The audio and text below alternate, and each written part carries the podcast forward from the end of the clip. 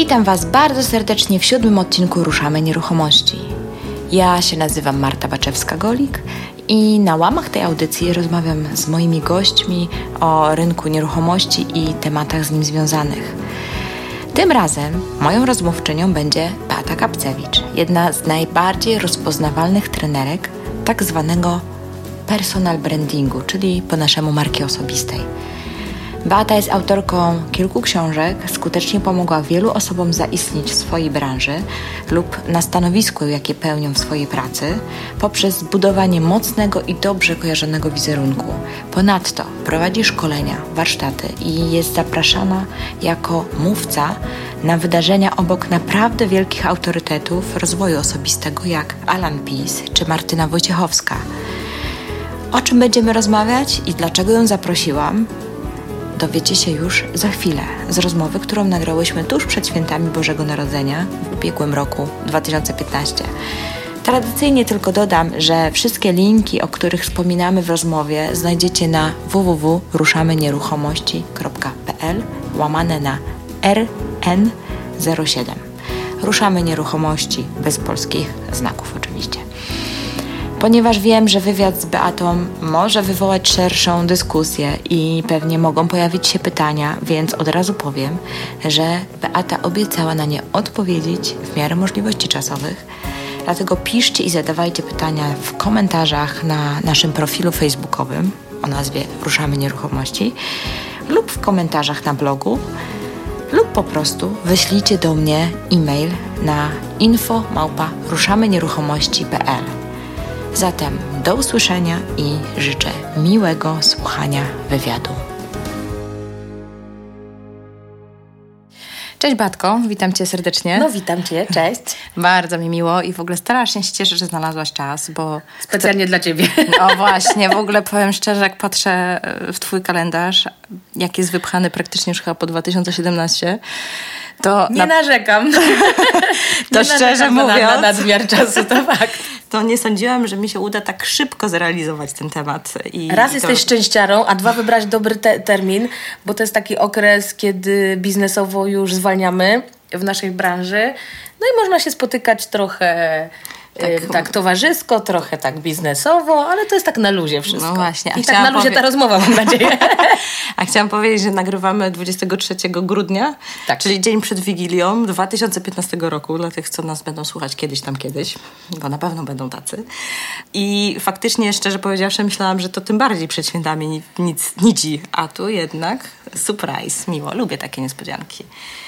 Tym bardziej ja też. No właśnie, słuchaj, zaprosiłam Ciebie do rozmowy na taki dosyć mm, wrażliwy, mm, ważki temat, bym powiedziała.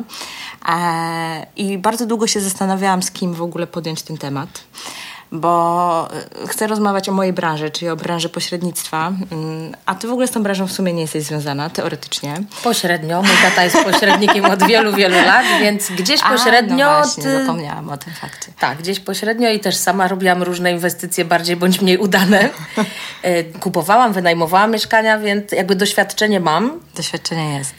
No właśnie i, i wiesz, ale chcę rozmawiać o, o takich e, problemach, jakie... Mm, nie wiem, kup, nie wiem jak to nazwać, problemy, spory, niedomówienia pomiędzy na linii pośrednik e, i klient. Mhm. I celowo się zastanawiałam, z kim mam na ten temat rozmawiać, żeby to nie było. Nie, myślałam, żeby zaprosić może kolejnego pośrednika i tak dalej, ale stwierdziłam, że to będzie strasznie. Możemy być posądzeni o jednostronność. o jednostronność. Tak? Ja jestem pośrednikiem, więc już, że tak powiem, wystarczy.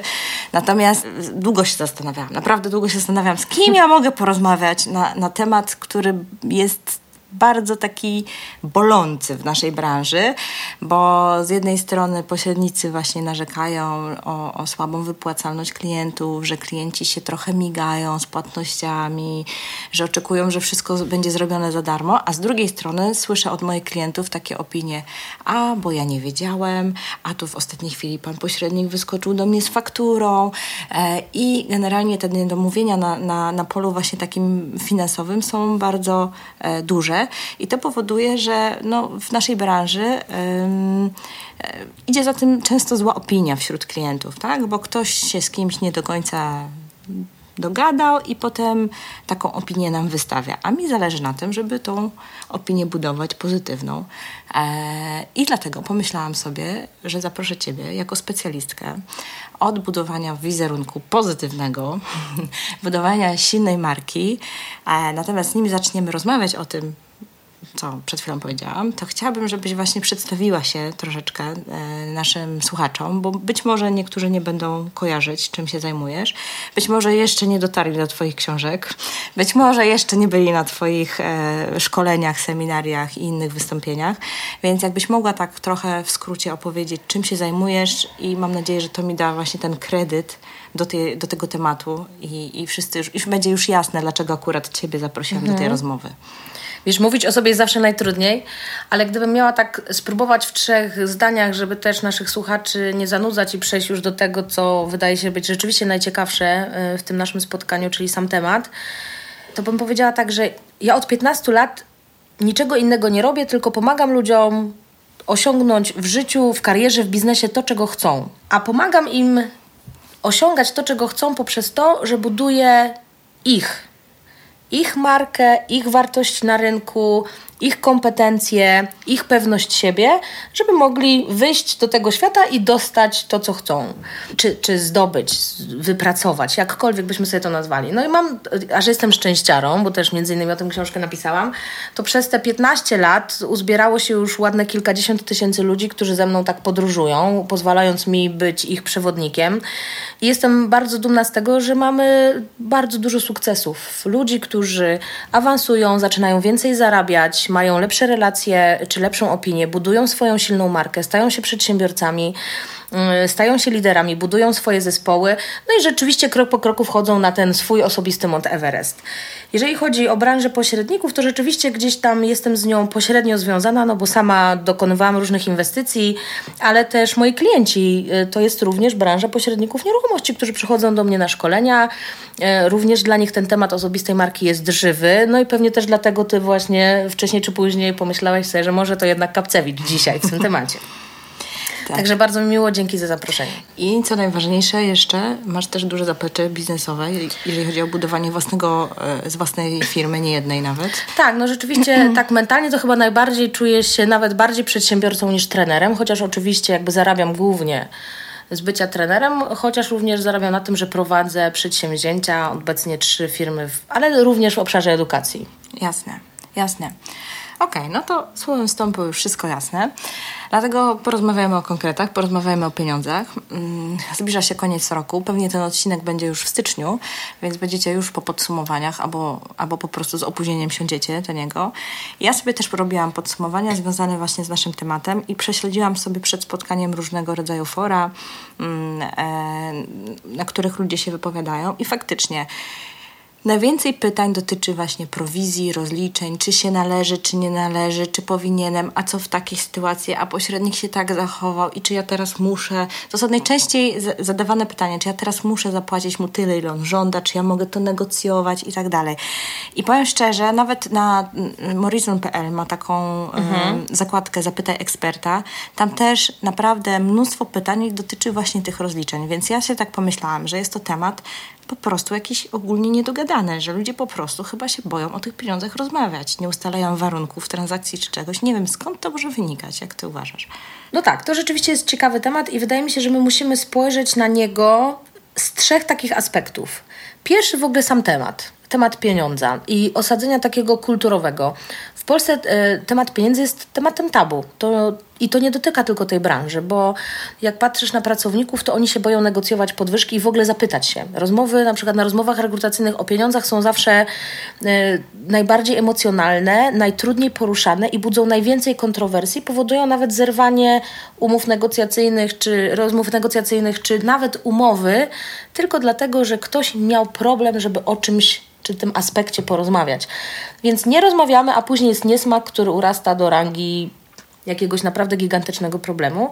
I w tej branży jest dokładnie to samo. To znaczy, my po pierwsze boimy się rozmawiać o pieniądzach, więc przemycamy to gdzieś Cichaczem. tam, cichaczem, a jak już przyjdzie to co do czego i trzeba o tym porozmawiać, to nie, kom, kompletnie nie potrafimy sobie radzić z, em, z emocjami, które po obu stronach się pojawiają.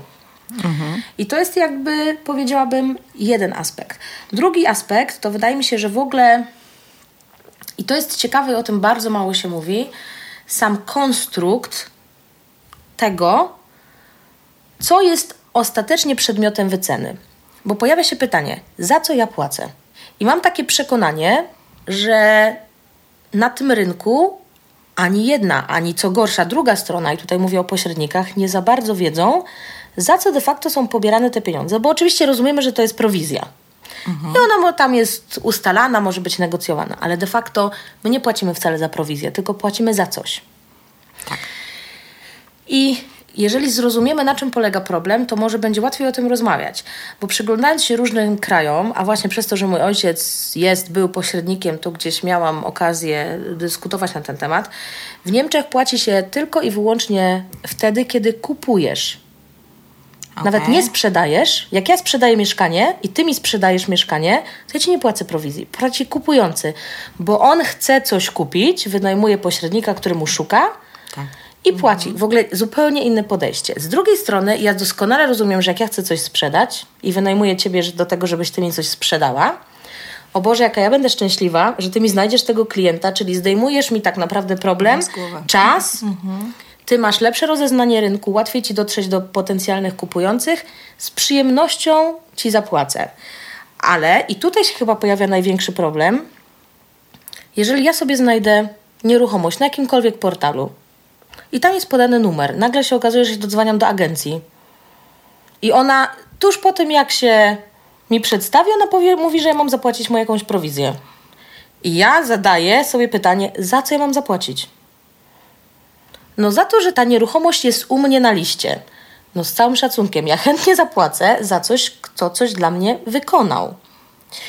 I wydaje mi się, że ten konstrukt, jakby różne aspekty konstrukcji tych zasad powodują, że ludzie A po pierwsze się burzą, bo nie chcą płacić z, z perspektywy kupującego za nic. Jasne. Za sam fakt, mhm. że ta nieruchomość jest, opiekuje się nią pośrednik. Jeżeli ty się nią opiekujesz, no to dostajesz pieniądze od sprzedającego i to budzi emocje. Jasne. No, powiem szczerze, jest to taki um, dylemat w naszej branży, bo co pośrednik, co biuro, to ma każdy um, inny sposób tak. i podejście. Mało tego, są w ogóle miasta jakieś mniejsze, w, których na przykład jest niewiele biur nieruchomości i oni na tyle się ze sobą dogadują, że sobie przyjmują jedną koncepcję i w danym mieście czy w danym rejonie jest tylko mhm. tak, że mhm. albo ten płaci, albo ten płaci, albo płacą oboje i nie ma innej opcji, bo gdziekolwiek ten klient nie pójdzie, to są te tak. same zasady. I to jest fajne e, w tych mniejszych miejscowościach, bo faktycznie już e, abstrahując, czy te zasady, które wymyślają, są dobre, czy nie, e, ale chodzi o to, że wszyscy trzymają się jednej linii. Najgorszy chyba, najgorszy schemat jest w dużych, dużych miastach, miastach, gdzie mhm. jest wielka konkurencja, każdy do tego klienta walczy mm, i próbuje go przyciągnąć na swoją stronę różnymi mhm. sposobami, metodami, a wiadomo, że no, tutaj szachowanie tak. prowi wysokością prowizji i tak dalej jest też jednym z mhm. Przyciągania klientów. I to jest problem, nie? Tak, ale ja jeszcze wrócę do, bo żeśmy sobie mówili tak naprawdę dwie rzeczy. Pierwsza rzeczą sobie mówiliśmy w ogóle jakby pieniądze jako temat trudny. My nie tak. rozmawiamy o pieniądzach, on jest kulturowo tematem tabu. Tak. Więc on z natury budzi emocje. Więc jeżeli budzi emocje, no to powinien być ten temat tak poukładany, żeby jak najmniejsze emocje budzić, no bo w tych relacjach jest to bardzo ważne. Mówiliśmy o pewnym konstrukcie, czyli w ogóle zasadach funkcjonowania na rynku i powiedzmy, że nie zawsze mamy na to wpływ. I jako pośrednicy, i jako kupujący. Więc to budzi emocje, nie można o tym zapomnieć, mhm. ale mamy stosunkowo ma mały wpływ. Ale pojawiają się jeszcze takie dwa aspekty, które chciałam poruszyć. Pierwsza rzecz to jest, komu ja płacę. Komu ja płacę. I tutaj mam na myśli konkretną osobę z imienia i z nazwiska. Bo ja mam takie przekonanie, albo mam takie, tak, no to jest przekonanie ze sfery przekonań, że zawód pośrednika nieruchomości jest albo powinien być zawodem zaufania społecznego. Mhm, podobnie to czuję. Czyli jak myślę sobie, jak ja idę do pośrednika, żeby mi pomógł znaleźć pracę, to ja muszę, żeby mu zaufać, właśnie muszę mu zaufać. Musi się pojawić pierwszą walutą, która musi zafunkcjonować między nami, to jest waluta zaufania. Tak. Jak ja mu zaufam, to jestem w stanie mu powierzyć swoją karierę. Jak ja zaufam pośrednikowi, który ma mi wysłać na przykład w podróż, bo zlecam mu znalezienie na przykład dla mnie wycieczki, to jestem gotowa mu zapłacić, bo on poznał moje potrzeby, on wie, czego ja chcę, ja, czy moja rodzina, czy, czy, czy osoba, z którą się wybieram na podróż. I jestem gotowa mu zaufać. Każdemu innemu pośrednikowi, tak, kupna sprzedaży, nawet nie nieruchomości, jakiejkolwiek, musi się pojawić zaufanie. A to oznacza zbudowanie relacji.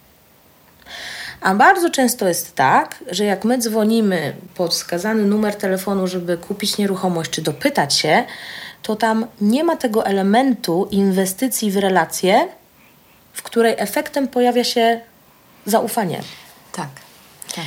W związku z tym, ja na przykład, jak korzystam, to, to jest dokładnie to samo wyzwanie, co z pośrednikami ubezpieczeniowymi.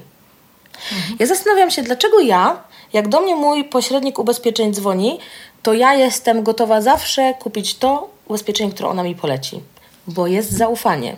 Jak ja przyjdę do ciebie, bo my się znamy, i ty mi powiesz, Beata, słuchaj, ja naprawdę ci to rekomenduję, to ja nie będę tego kwestionować. Dlaczego? Bo między nami jest relacja i jest między nami zaufanie. I ja nie będę miała żadnych problemów z tym, żeby zapłacić ci pieniądze, na które się umówimy, no bo jest coś, co jest pierwotne przed samą transakcją i dogadaniem finansowym, czyli zaufanie.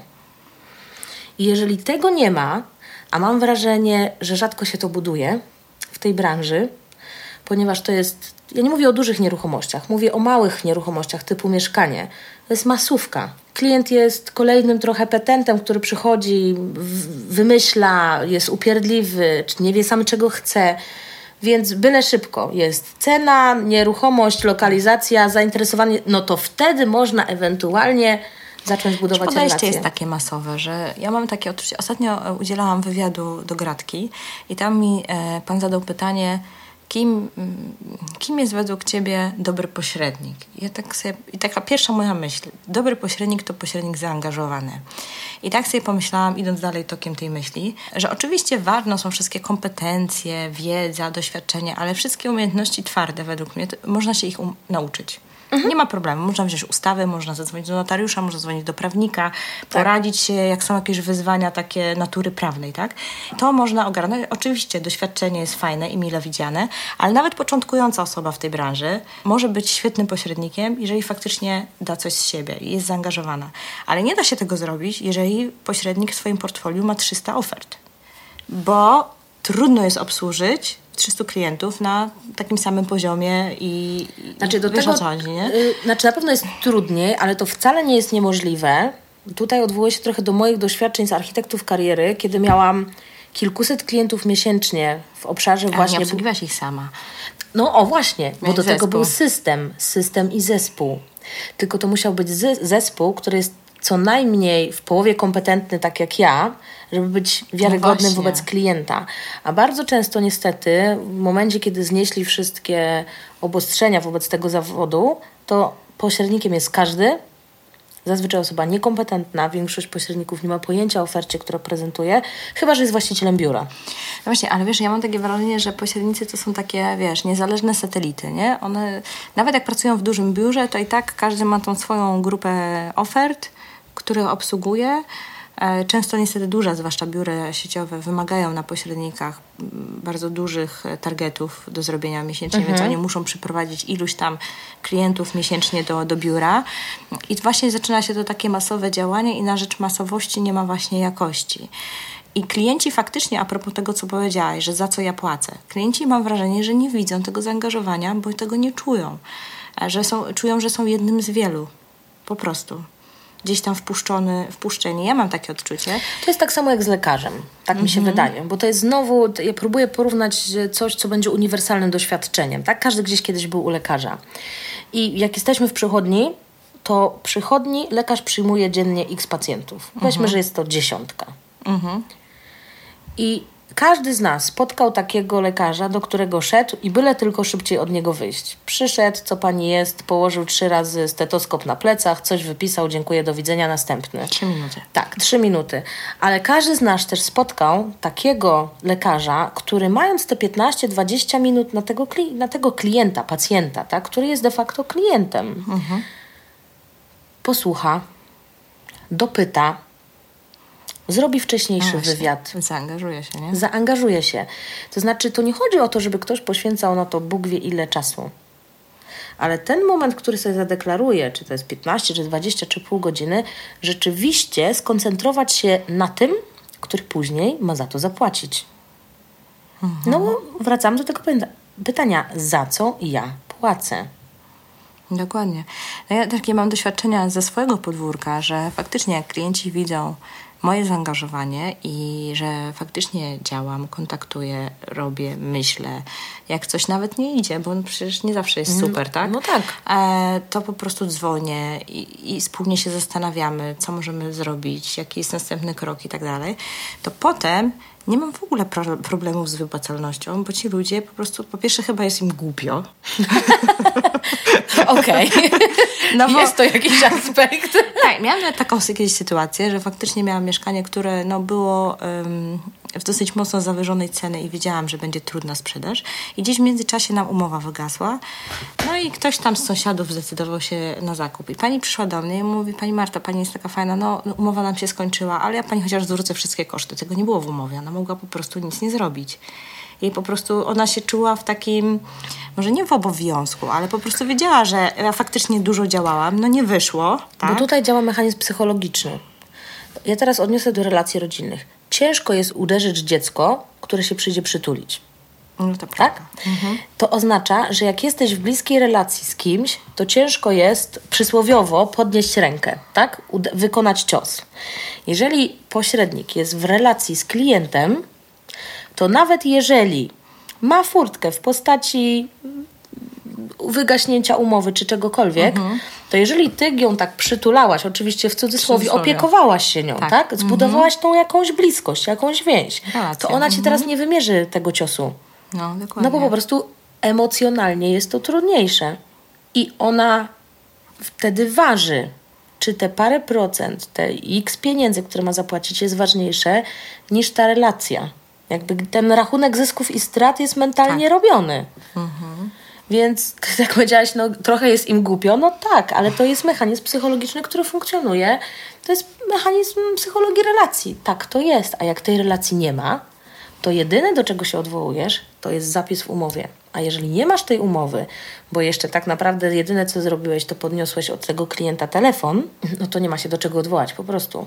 I tutaj też musimy powiedzieć, że w przypadku tego zawodu, no niestety, wy macie jeszcze podwójnie trudne zadanie, ponieważ społecznie ten zawód nie jest podziwiany, nie jest doceniany. On społecznie jest traktowany jako zło konieczne.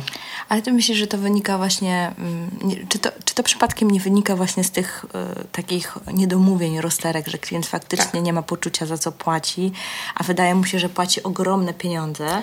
No tak, i on musi zapłacić, ale jest rozczarowany z jakości obsługi, więc to nie jest usługa, którą dalej zarekomendujesz. Ty wiesz, że ona jest. No właśnie. Czasami jest tak, że musisz zapłacić, bo akurat wypatrzyłeś sobie ten dom, no i nie masz wyjścia i to jest zło konieczne, no ale jak masz zło konieczne, to ani nie będziesz tego doceniać, ani nie będziesz tego rekomendować, ani nie będziesz szczęśliwa, że to w ogóle funkcjonuje. Dokładnie. Dokładnie tak. I to taka trochę kwadratura koła nam się robi. Tak, dokładnie tak samo jak z ubezpieczycielami, y, z pośrednikami ubezpieczeń. No, no generalnie z handlowcami. E, tak, tak. Z tym, Troszkę że są pewne, pewne zawody, czy pewne, które pewnie będą bardziej wyczulone na to. Paradoks polega na tym, że wbrew pozorom właśnie te zawody najmniej doceniane, pośrednik e, nieruchomości, ubezpieczyciel, to są te zawody, które w danych sytuacjach są nam bardzo potrzebne i bez nich byśmy sobie nie poradzili. I czasami w tych sytuacjach takich trudnych, spornych, no bo różne rzeczy są w obszarze nieruchomości, to właśnie ten pośrednik, zarówno w przypadku, jak masz dobrą relację z pośrednikiem mm, ubezpieczenia, to w danym momencie, kiedy ma dojść do, do wypłaty, kiedy trzeba różnych rzeczy dopilnować, to on wie, co złożyć, jak złożyć, do kogo Tak. zadzwonić, jak to zorganizować, który, z których przepisów skorzystać. Dokładnie tak samo jest w przypadku pośrednika. W sytuacjach trudnych, kryzysowych, na krawędzi, no bo Tak, nigdy nie wiesz, tak, jak to tak, się tak, zadzieje, tak, to właśnie pośrednik ma dostęp do wiedzy, do specjalistów, do rozwiązań. Dokładnie tak. I to jest pewien rodzaj ubezpieczenia, tylko nikt tego tak nie sprzedaje. Nikt tego tak nie, mm, nie pokazuje. Wiesz, z kolei brakuje relacji zaufania, no to brakuje wszystkiego. Mhm. Wiesz, niby często się powtarza, że jak się wejdzie na jakąkolwiek stronę, jakiegokolwiek biura, to tam są hasła, że czuwamy nad bezpieczeństwem e, transakcji i tak dalej, ale mam takie wrażenie, że to jest takie trochę dla klienta puste, że to nic nie oznacza, że on nie wie, co z tego wynika. I, i No te- jak nigdy nie doświadczył zagrożenia transakcji, No to dla niego każda bezpieczna jest No. transakcja. Ale co, straszyć klientów? To może im się przydarzyć. Jest jakaś metoda, nie? Pokazać najgorsze, najczarniejsze scenariusze. Ale no nie wiem.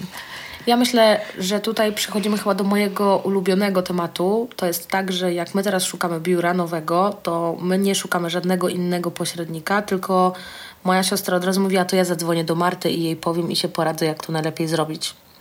I oczywiście, dlatego, że my się znamy prywatnie, no to ktoś mi powiedział, no okej, bo znajoma.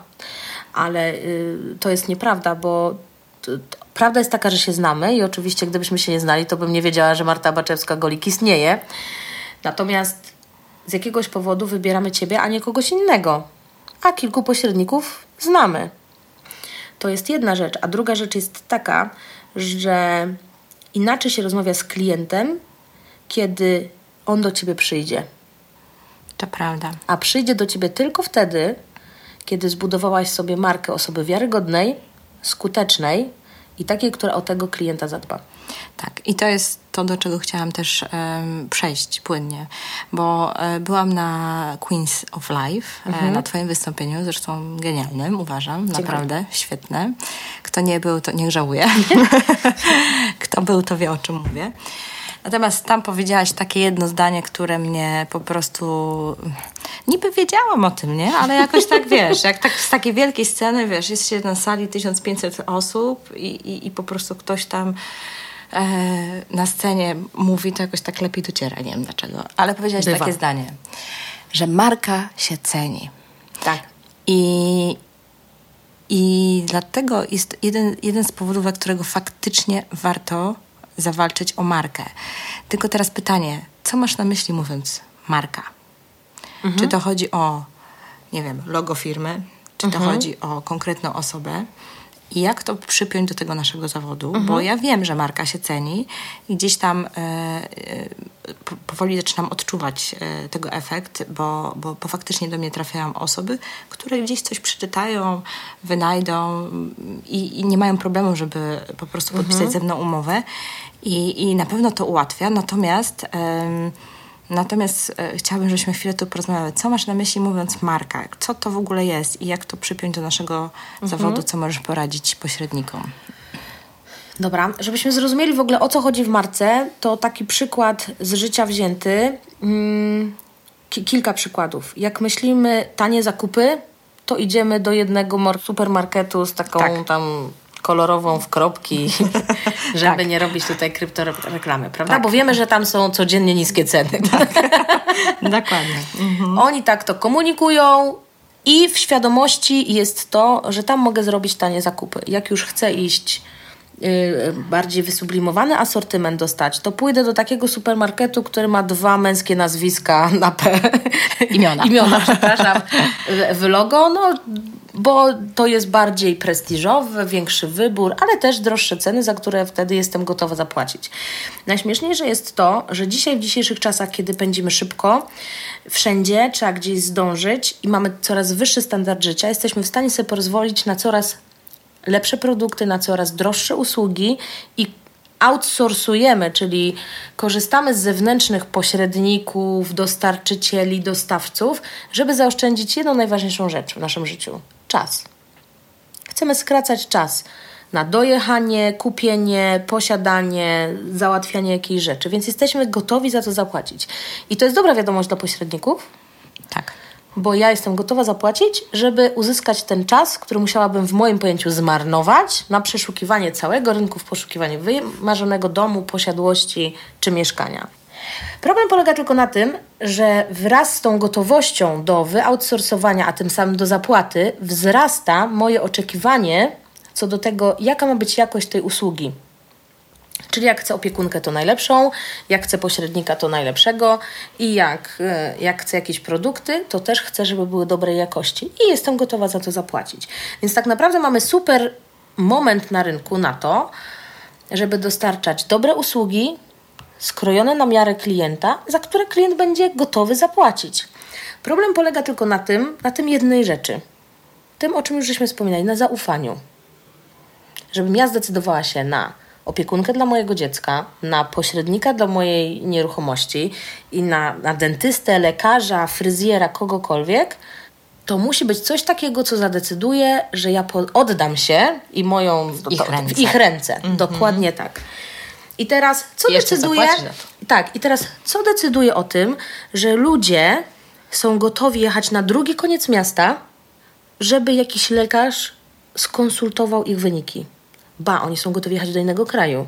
Co powoduje to, że ktoś jest gotowy z jednego końca miasta na drugi pojechać do fryzjera i zapłacić trzy razy drożej, niż mógłby pójść na osiedlu do fryzjera osiedlowego. No bo, no bo przecież tak się zdarza. Co mhm. się dzieje, że jesteśmy za torebkę jakiejś marki gotowi cztery razy więcej zapłacić, niż za tą, którą kupisz w galerii handlowej? No bo tak się dzieje, to są fakty. No właśnie za tym stoi marka. I jeżeli w mojej branży najlepszy trener, jak ja jestem trenerem, potrafi zarabiać 100 razy więcej niż przeciętny na rynku, 100 razy, nie dwa razy, nie trzy razy, 100 razy więcej i ludzie są dalej gotowi za niego zapłacić, ba, wziąć kredyt, żeby skorzystać z jego usługi, to co takiego powoduje? Bo to na il, czy on jest 100 razy lepszy od tego, no to to już 100 razy sprawa dyskusyjna, ale jesteśmy gotowi 100 razy więcej zapłacić. Tak samo przy bezpieczeństwie transakcji, właśnie przy rzeczach, które są dla nas ważne, w przypadku pośrednika jesteśmy w stanie zapłacić dobrze temu pośrednikowi za to, że on rzeczywiście zrealizuje to, z czym my do niego przychodzimy. I teraz jest pytanie. Pośredników, przepraszam, że tak powiem, jak psów. No, niestety muszę się z Tobą zgodzić. Tak? Gdzie, w tej kwestii. Gdzie nie rzucisz w Polsce kamień, to albo kościół, albo pośrednik. A że tam jeszcze coach. Jeszcze coach. Jeszcze tak, coach. Także, także jestem w tej samej sytuacji, co Ty. Coachów też jest Tak. I mimo wszystko, mimo tych dużych ilości coachów na rynku, ja jestem jedną z najbardziej drogich trenerów w Polsce. Co się takiego dzieje, jeżeli ja mam kalendarz zapełniony do końca tam 2016 roku, a już na 2017. Dlaczego ludzie są gotowi płacić za tego pośrednika, za tego trenera, za tego lekarza? Bo są przekonani z jakiegoś powodu, zaraz sobie powiemy jakiego, że dzięki niemu uzyskają to, czego chcą. Że to właśnie on doprowadzi ich do tej pracy, do tej nieruchomości, do zdrowia, do tego wyglądu, do tej pięknej fryzury, do czegokolwiek sobie wymyślimy. I dokładnie tak samo jest z pośrednikami. Teraz, co musi się zadziać, żeby pośrednik mógł zbudować swoją markę, mógł się cenić i nie miał klientów krzykaczy? Bo to jest chyba taka wymarzona wizja, prawda? I najlepiej, którzy się szybko decydują. I żeby sami do niego przychodzili. Tak, sami przychodzili. Czyli mam taką, taką, taką wizję. Jestem sobie pośrednikiem, odbieram codziennie x telefonów ludzi, którzy proszą mnie o to, żebym pomogła mu coś zrobić tej osobie, coś znaleźć, coś sprzedać, coś zorganizować. Świetnie. Nie muszę zabiegać, dzwonić tak. po jakichś zimnych kontaktach. tak, nie, nie wiem, co, co więcej, ja później w pewnym momencie pojawiam się z jakąś kwotą, która w zasadzie jest niedyskutowalna. W sensie takim okej, okay, okay. jest taki okej. Okay. I na końcu jeszcze, po tym jak już wszyscy są szczęśliwi, bo ten ma nieruchomość sprzedaną, kupioną, jakkolwiek, to jeszcze ty masz pieniądze na koncie i co więcej, prezent na święta w podziękowaniu za, za dobrą transakcję, za dobrą relację i za to, że jesteś w jego życiu. To jest taka wymarzona sytuacja? Tak, i jeszcze trzy polecenia. A ja... Dobra, oczywiście, dobra. A tam trzy, trzydzieści. Trzydzieści, dobra. Dobra. Ja wiem, że dla wielu naszych słuchaczy to będzie obrazek trochę z kosmosu, ale ja chcę powiedzieć, ja znam takich pośredników, znam ich z imienia, z nazwiska, wiem, że to jest możliwe, tak samo jak jest możliwe dokładnie to samo w każdej innej branży. Branży coachów, trenerów, fryzjerów, trenerów personalnych, kogokolwiek sobie wymyślimy. Okej, okay, no już myślę, że zbudowałeś napięcie. Powiedz, skąd to się bierze? A, to się napije. Ale herbatki oczywiście. O, oczywiście. A, no, no dobra. No, to, no tak. Dobra, ja bym chciała powiedzieć o takich trzech rzeczach. Trzech rzeczach, które determinują to, czy będziesz takim pośrednikiem, o którym rozmawiamy. Pierwsza rzecz to jest to, na ile rynek zna Twoją wartość. I teraz, co to jest wartość pośrednika? Wartość pośrednika jest związana z tym, co de facto on robi. Czy jest pośrednikiem w obszarze kupna, sprzedaży domów, mieszkań, dużych powierzchni, komercyjnych, czyli de facto jaki problem rozwiązuje? No bo ja przychodzę z problemem. Chcę sprzedać centrum handlowe, chcę sprzedać mieszkanie, działkę, cokolwiek. Albo jaką potrzebę zaspokaja. Na przykład chcę zorientować się, ile muszę zapłacić w Gdańsku za taki lokal, na który teraz na przykład chciałabym zainwestować. To jest moja potrzeba. I ja potrzebuję fachowej wiedzy, ekspertyzy i potrzebuję jej szybko, a w zasadzie na wczoraj, bo jak ja jestem przedsiębiorcą albo inwestorem, jak ja sobie coś wymyślę, to ja chcę to na wczoraj. Już. już. Tak. Mhm. A wczoraj, okej. Okay. już to, to za późno. Już to już jest za późno. Czas to pieniądz. Tak jest, okej. Okay. Więc przede wszystkim z czego, z jakiej wartości pośrednik jest znany? I znam, przychodzi mi kilku, znam takich, którzy są znani właśnie z dużych powierzchni, na przykład duże hektary i wiedzą, oni są ekspertami na rynku.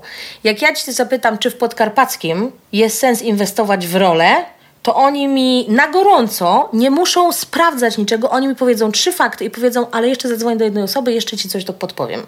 Mhm. Okay. Czyli w czym są wyspecjalizowani? Mam wrażenie, że dzisiaj nie ma specjalizacji wśród pośredników, a jeżeli jest, to się dzieli na mieszkania i domy i lokale użytkowe. To jeszcze takie specjalizacje widziałam.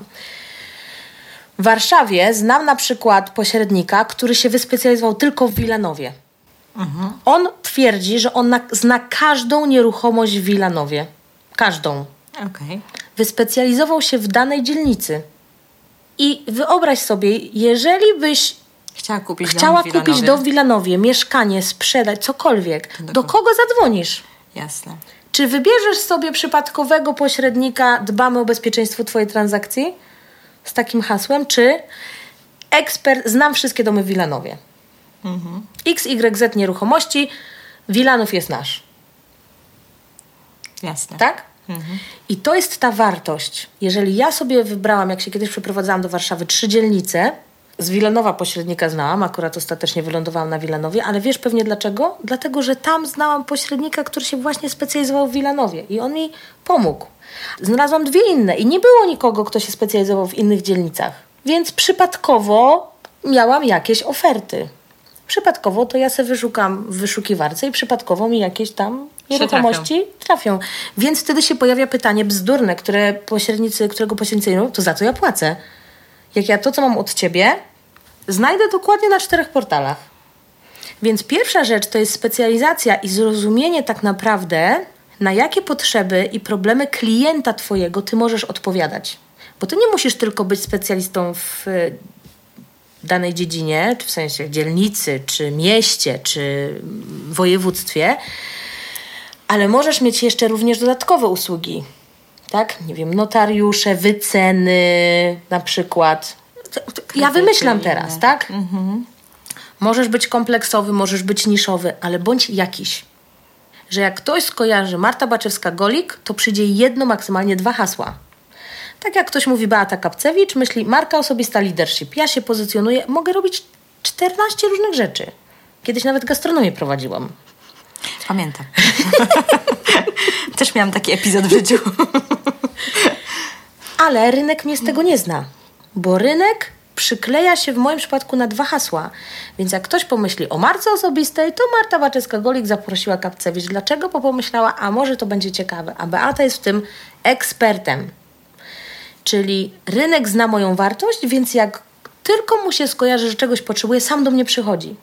I to jest pierwszy warunek. A skoro nie wiadomo, po co można do, przyjść do pośrednika, a sorry, po mieszkanie albo po dom, to jest za mało.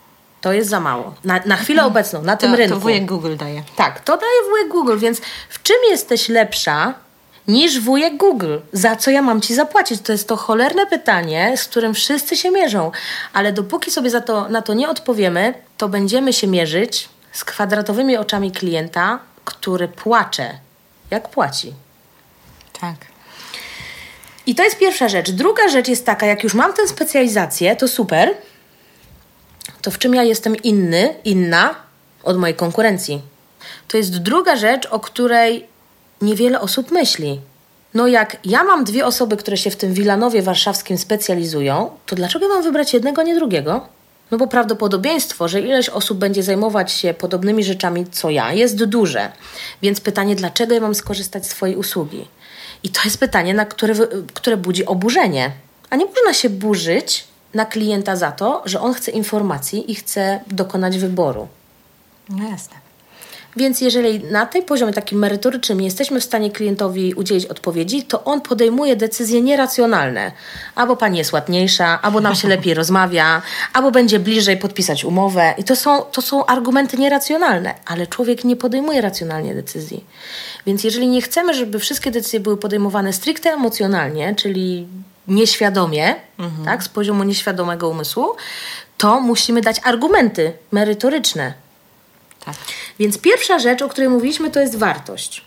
Tak. Druga rzecz to jest wizerunek. Czym się wyróżnia, tak? Mhm. Nie, to jest do wartości, czyli okay. jaką wartość wnoszę, jakie problemy, jakie potrzeby rozwiązuję i w czym jestem inny Od niż reszty. Tak. Mhm. Ja zawsze podaję ten taki bardzo banalny case, bo to najłatwiej zrobić na maśle. Jak stoi 10 masełek na półce w supermarkecie, to dlaczego ja mam wybrać osełkę, a nie masło ekstra, gdzie jedno kosztuje 2,50, a drugie 3,20. Ja muszę je jakoś porównać. To masło i to masło. No tak.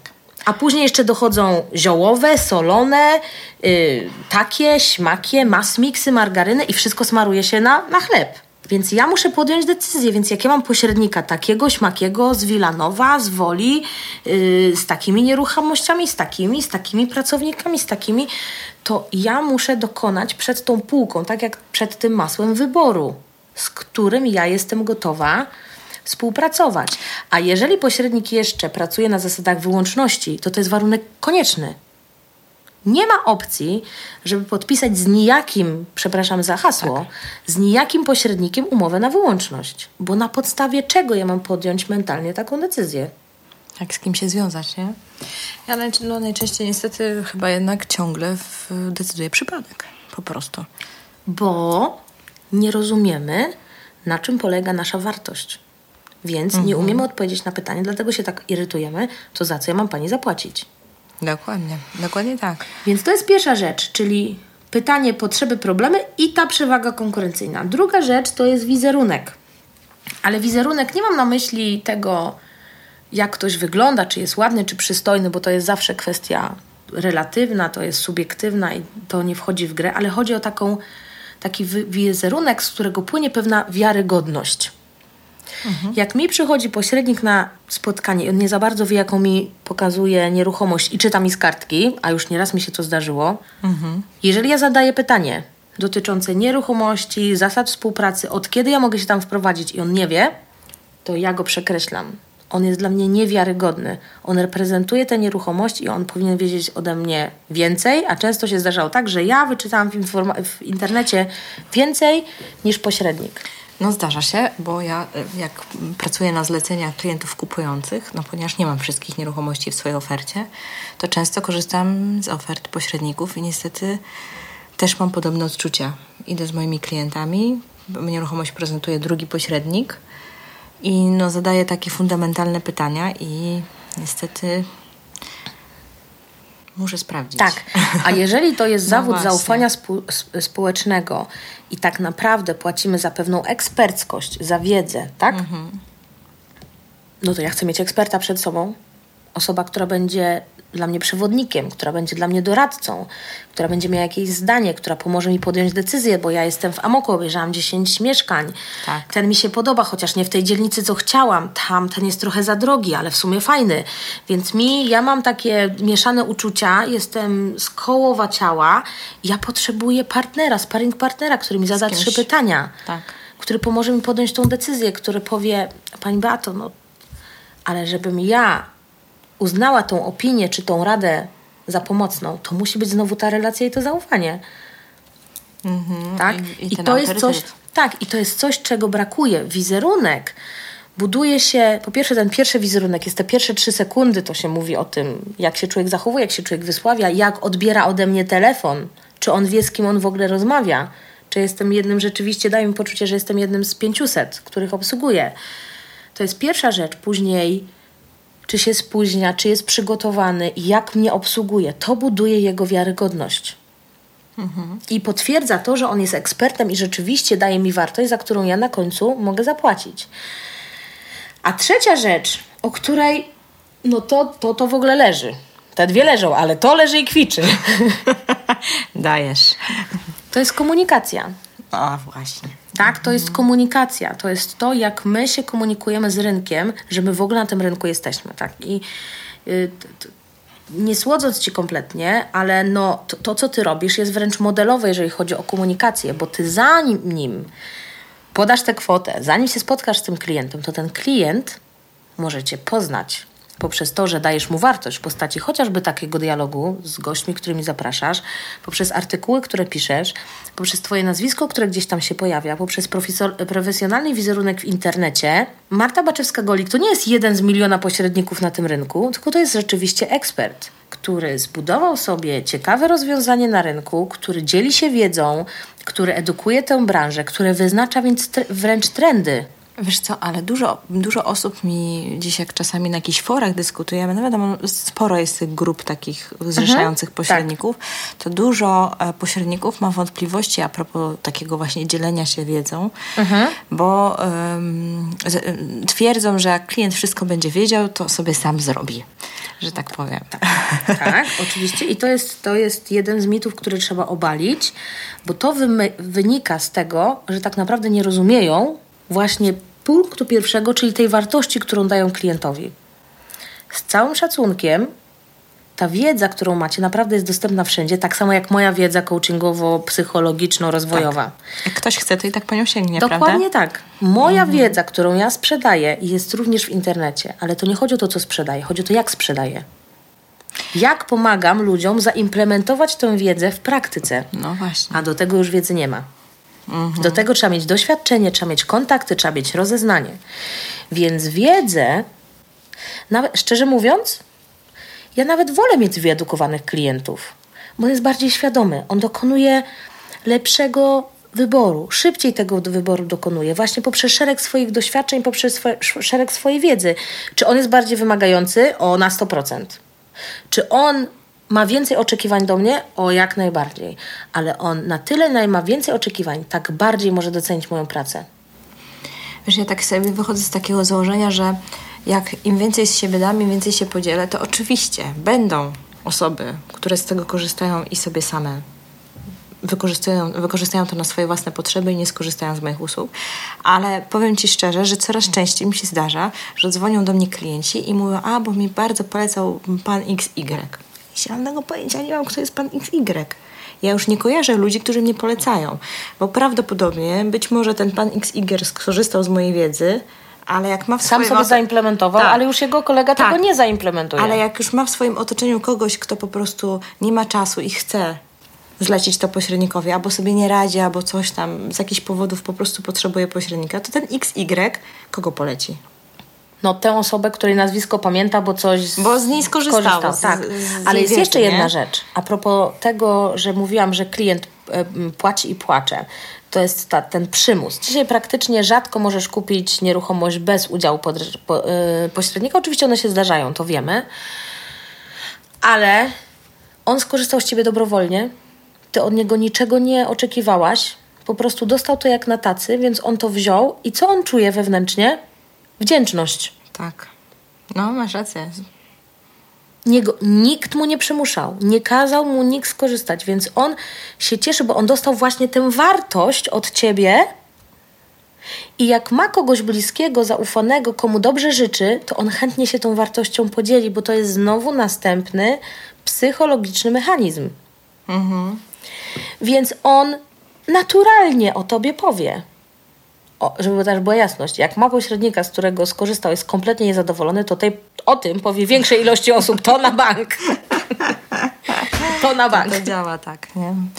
Prawo 250 chyba, nie? Jakoś tak to było. To Girard pisał w jakiejś swojej sprzedażowej książce, że Już teraz kurczę, nie chcę to spalić, ale zdecydowana większość Jak jest, jak ludzi... jest klient zadowolony z Twoich usług, powie jednej osobie. Jak jest niezadowolony, powie dziesięciu. Tak generalnie wy, wynika ze statystyk. A, no właśnie. Ale to samo jest z opiniami w internecie czy gdzieś. Tak, nie? oczywiście. Dlatego jest więcej hejtu niż pozytywnych Niż- opinii. Oczywiście, że tak. Tak, bo ja, ja od niedawna zaczęłam prosić moich klientów, żeby pisali opinie na przykład na jakimś portalu, bo najczęściej dostaję wiadomości na maila albo gdzieś na Facebooku prywatnie, jakieś tam podziękowania i tak dalej, bo, bo oni czują, że chcą mi podziękować i, i jak już to zrobili, to już nie czują, że powinni pójść Światu gdzieś tam ogłosić. światu to ogłosić. No, to Tak. jest takie naturalne, nie? No i widzisz, to jest jedna z zasad komunikacji, bo można powiedzieć o sobie, można powiedzieć wszystko. Ja jestem świetna, ja dbam o bezpieczeństwo Twojej transakcji. A jeżeli powie o Tobie Twój klient, to to ma wartość 10 razy większą w stosunku do tego, co Ty o sobie powiesz. No. Czyli jeżeli to, co Ty o sobie powiesz w, w obszarze komunikacji jest, ma wartość jednego punktu, to to, co powie o Tobie klient, ma wartość 10 punktów. Ma 10 razy większą siłę sprzedażową. Bo to znowu buduje Twoją wiarygodność, Jasne. Twoją skuteczność. No i druga rzecz, strona medalu tej komunikacji, to właśnie to takie przemycanie cicho tych... y, takie na zasadzie, że a na razie jeszcze nie będę rozmawiać o tej prowizji, coś tam pokażę, jak się napali, to wtedy powiem, tak? Albo coś tam. Ja też zauważyłam, że właśnie, ale to dwie strony, bo z drugiej, strony klienci też nie mówią, też siedzą cicho, bo ten sam mechanizm działa. Oczywiście. Oni cię nie pytają, bo myślą, że nie wiem, że może pośrednik Że może ktoś zapomni. zapomni, tak. Albo, że on może tak po prostu pro bono działa, czy co? No nie mam pojęcia, więc dwie strony siedzą cicho do ostatniej chwili, potem jest, jak już jest, że tak powiem, e, ten moment, kiedy już klient się napali na tą nieruchomość i raptownie pośrednik wyskakuje z umową, no to jest faktycznie już tak trochę zgrzyt, nie? No tak, to jest mechanizm, którego rzeczywiście, nie wiem, dziwi to chyba jest za mało powiedziane, śmieszy też za mało powiedziane, ale nie, nieustająco, no chyba jednak zadziwia, bo on ci jednak trochę napracował, ten pośrednik. Nawet powiedzmy, że buduje tą relację. Już nawet załóżmy, że już jest świadomy i rzeczywiście tę relację buduje. I ta sytuacja finansowa, temat, który jest tematem tabu, trudnym, emocjonalnie nacechowanym, powoduje, że wszystko, co zbudował, po prostu jak domek z kart. Pada, nie? Pada. Wiesz, ja ci powiem, że ja na, na spotkaniach z moimi klientami, jedno z pierwszych w ogóle pytań, jakie zadaję, to czy, czy Państwo założyliście w swoim budżecie taki koszt? Czy w ogóle jest No gotowość, gotowość do zapłaty? I no, zdarzyło mi się, że klienci zrezygnowali, ale ja przynajmniej nie straciłam czasu. No, no właśnie. Nie? No właśnie, nie każdy będzie Twoim klientem, nie każdy musi być Twoim klientem. A Ty masz od początku jasną sytuację i wiesz, jak się klient czuje, kiedy właśnie w emocjach, kiedy Ty już jesteś napalona na ten, na ten dom, na to mieszkanie, na tę ziemię, on Ci wyskakuje z umową, on się czuje zmanipulowany, on się czuje oszukany. No, Więc jeżeli były elementy, które zbudowały, czy budowały zaufanie, to, ten, to, to spada to do zera. To spada do minus, minusu. i- iluś tam punktów. Dokładnie tak. Odbudować to jest cholernie ciężko. Cholernie ciężko. Zapomnij o rekomendacjach, zapomnij o, o zadowolonym kliencie. On ci zapłaci, bo on już ma ten dom i, i wtedy traktuje jako zło konieczne. Okej. No. Dokładnie. I to doświadczyłam, bo ja kiedyś podobnie jak wszyscy inni też się bałam e, rozmawiać o, o pieniądzach. Nie wiem, to jest Właśnie, taka ale- presja chyba konkurencji, że może ten klient gdzieś pójdzie, nie wiem, zniknie i tak dalej. No i tutaj wracamy do punktu wyjścia.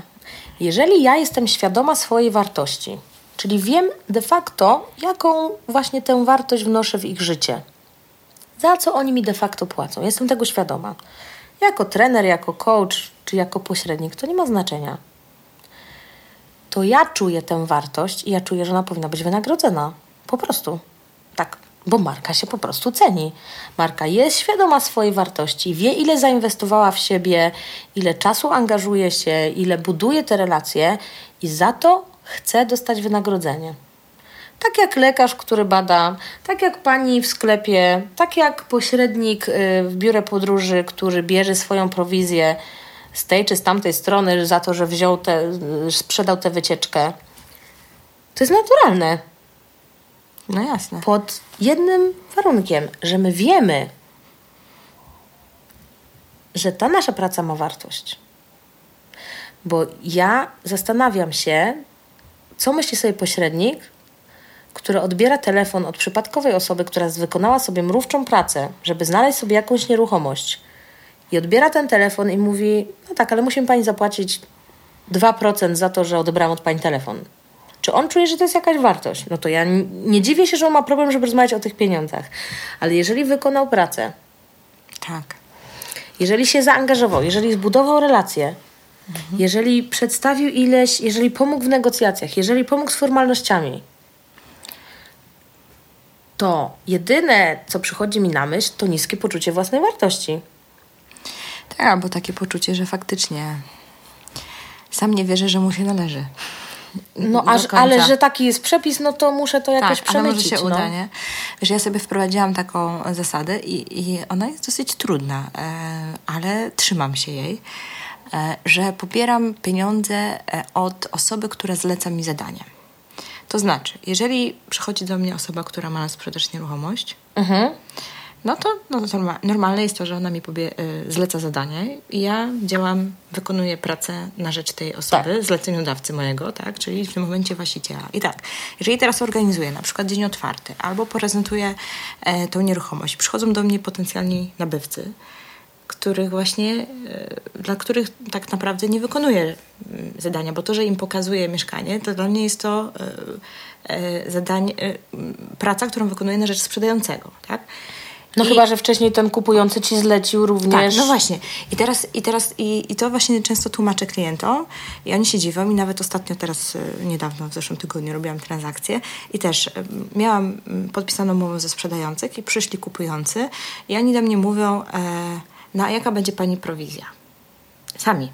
Takie moje poczucie, ale ja przełknęłam się i mówię, proszę Państwa, ja mam taką zasadę, że ponieważ dla Państwa tak naprawdę nie wykonałam żadnej roboty, nie zleciliście mi, bo oni faktycznie tylko zadzwonili i przyszli zobaczyć i kupili to mieszkanie, tak? To ja pobieram prowizję od sprzedającego. I to trzeba mieć, no wiesz, ścisłą zasadę, nie? Bo, bo ja mogłam im powiedzieć, że poproszę prowizję i, i wyciągnąć umowę, bo oni sami się o to poprosili. Ale mam taką zasadę i się jej trzymam.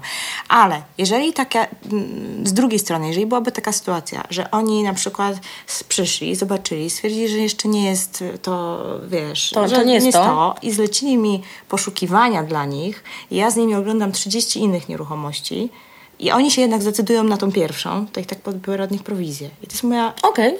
I to jest, i to tłumaczę. jest i zasada. I to jest zasada. I teraz nieważne jaka jest zasada, ważne, że jest. No i, I że obydwie strony to zaakceptowały. To naprawdę nie ma znaczenia, czy my płacimy 23% VAT-u czy 8%.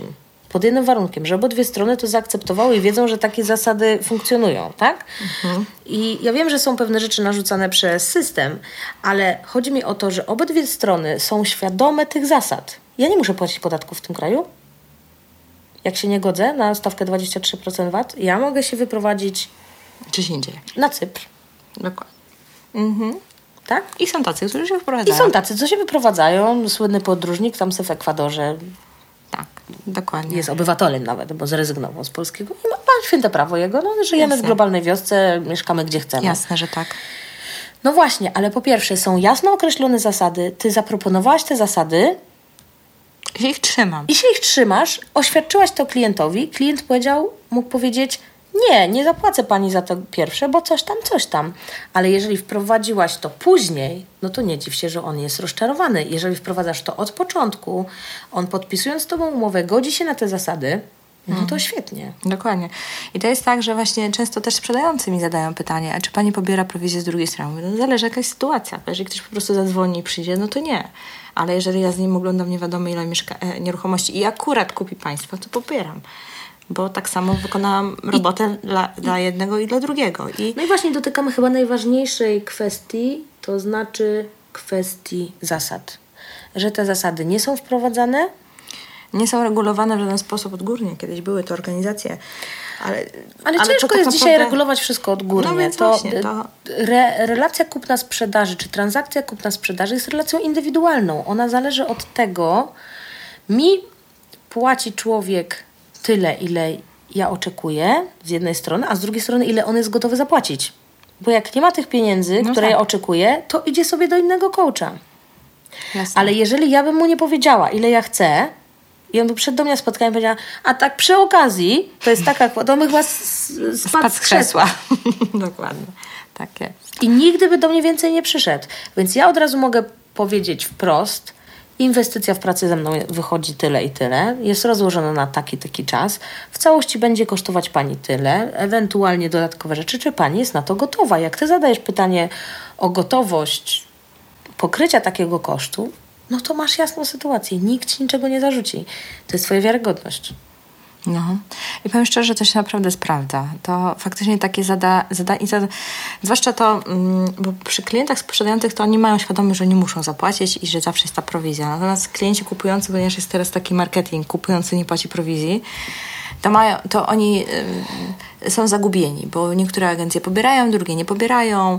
E, tak. Generalnie, ale przekaz jest taki, ale często później idą do jakiejś agencji, a okazuje się, że jednak, że niby za jakieś tam inne usługi pobierają i to jest wszystko jakiś mhm. taki e, marketingowy, że tak powiem, mhm. bubel, ja, ja to nazywam. Ale jak do mnie przychodzi klient, który chce czegoś poszukać i zleca mi to zadanie, to to jest jedno z moich pierwszych pytań. Bo chcę mieć No jasność. i okej, okay. i ty działasz, ja, nikt ci tego nie powie, czy to jest mhm. dobrze, czy źle.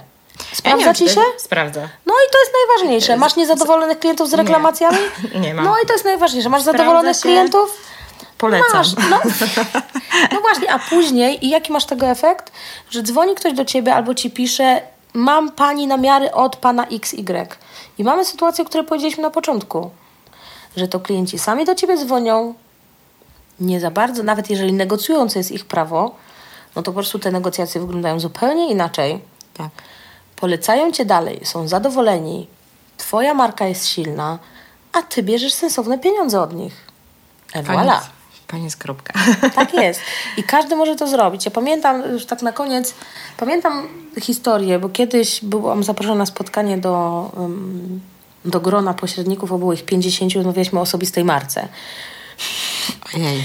Jakbym weszła do klatki z 50 wygłodniałymi lwami albo tygrysami, którzy chcieli mnie rozszarpać, co to ja za herezję mówię, powołując się na ustawy, powołując się na przepisy, powołując się na klientów beznadziejnych, którzy nie płacą, którzy na pewno przyszli ich oszukać.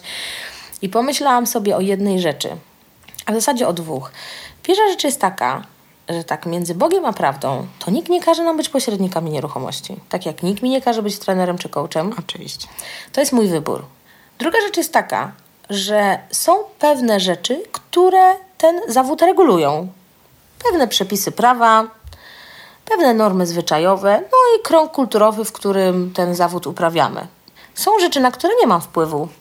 No bo są przepisy prawa, które są i na to fizycznie nie mam wpływu, ale mam wpływ na to, z jakimi klientami pracuję, co sprzedaję, jaką wartość rzeczywiście wnoszę w ich życie i na co się ostatecznie z nimi umawiam. Bo umowa jest indywidualną sprawą. I na to mam wpływ. Więc skoro na to mam wpływ, to ja mogę narzucić, jakie są moje prowizje, jakie są moje zasady, z jakimi klientami chcę pracować, z jakimi nie chcę pracować, czy chcę zarabiać tyle, czy chcę zarabiać mniej, czy pobieram z dwóch stron, czy z jednej strony, jak ja buduję relacje z tymi klientami, jak ja im o tym komunikuję, czy ja daję im dodatkową wartość, żeby zbudować swój wizerunek. Na to mamy wpływ. Więc powiem szczerze, to było jedno z ciekawszych półtorej, półtora godzin w moim życiu. A to było w jakiejś organizacji dla pośredników? Mhm. Tak. Tak się domyśliłam właśnie. No, fajnie. Tyle powiem. Y, ale powiem też, że kilka z tych osób y, później było na moich warsztatach, spotkaniach. Do dzisiaj jestem z nimi w kontakcie i naprawdę nieźle sobie radzą. To znaczy, że można. Oczywiście, że tak. Też uważam, że można. Jest kwestia wyboru, no i konsekwencji tego wyboru i też ceny, którą się za to płaci, bo wszystko ma jakąś cenę. Twój czas, przedświąteczny, y, budowanie relacji, rezygnacja z prowizji od klienta, która. Pytanie, czy patrzymy na tą krótkotrwałą, ten krótkotrwały zysk albo stratę w postaci braku tej prowizji, czy patrzysz na to, że trzech kolejnych klientów może oni ci przyprowadzą, powiedzą, o ciekawy pośrednik, ma zasady. No właśnie. Już, już tak sobie pomyślałam, że ten, ma zasady, już się wyróżnia. Tak. w tych punktach. Tak, tam, oczywiście. Co, o których mówiłaś. Super, Bata, bardzo Ci dziękuję za tą rozmowę. Dziękuję za zaproszenie. A, Wszystkiego dobrego. Właśnie. I na święta, i na Nowy Rok, i yy, w zawodzie przede wszystkim satysfakcji, bo to jest ważny i potrzebny zawód i będzie coraz bardziej potrzebny. A to, czy będzie doceniany, to już od Państwa zależy. Dokładnie tak. I tak nam niechcący chyba wyszedł odcinek bardzo skierowany do pośredników. chociaż, chociaż myślę, że klienci, którzy e, działają w innych branżach, też mogą coś stąd wyciągnąć e, z tej naszej rozmowy, bo to się tak naprawdę sprawdza w każdej dziedzinie, w każdej branży. Okej. Okay. Bardzo Ci jeszcze raz dziękuję za poświęcony czas. Było dziękuję. naprawdę, jak zwykle było przemiło. I odcinek Mam nadzieję, się... też trochę merytorycznie. I merytorycznie również było bardzo, nawet bym powiedziała. Jeżeli, że tak powiem, e, macie jakieś pytania czy coś, to na Facebooku piszcie. Ja tutaj e, będę pilnować. Pośredniczyć będziesz. Pośredniczyć będę i prosić Beatę, żeby ewentualnie odpowiedziała na pytania, które się pojawią. Także, a i na koniec jeszcze właśnie najważniejsze rzeczy. Czy gdzie ewentualnie mogą Cię słuchacze spotkać? Coś planujesz? Opowiesz? Zdradzisz? O, tego ja nie planuję. Opowiesz troszkę, choć troszkę o tym swoim kalendarzu. Ja zapraszam na swojego oczywiście Facebooka Beata Kapcewicz, menadżer kariery, pisane przez Manager, e, bo tam publikuję wszystko to, co na bieżąco i na moją stronę www.beatakapcewicz.pl tam są wszystkie rzeczy, które na bieżąco się dzieją, bo jakbym ja to wszystko wymieniać, to byś musiała Zamieszczę. kolejną audycję. Zamieszczę te wszystkie linki w notatkach do odcinka. Dziękuję. A jakieś szkolenia, coś planujesz? Tak, tak. W styczniu zaczynamy y, tak bardzo leadershipowo, bo mamy dwa duże trzydniowe warsztaty właśnie liderskie w połowie i na koniec stycznia, y, a później zaczynają się właśnie dwa warsztaty z osobistych marek i parę ciekawych wydarzeń międzynarodowych, w których będę brała udział w Polsce, ale o tym na razie o tym, jeszcze o tym nie mówię, razie... ale możecie śledzić, już zapraszam. Okej, okay. warto, warto wejść na Twój profil na Facebooku, prawda? Zapraszam. Tam też wszystkie informacje zawsze na bieżąco są aktualizowane. Okej, okay. to co? Żegnamy się. Miłych świąt, chociaż ten odcinek będzie już po świętach, więc może szczęśliwego nowego roku. Wszystkiego dobrego w 2016 i tak. kolejnych też. I kolejnych też. Fajnie, dzięki. Do usłyszenia. Do usłyszenia.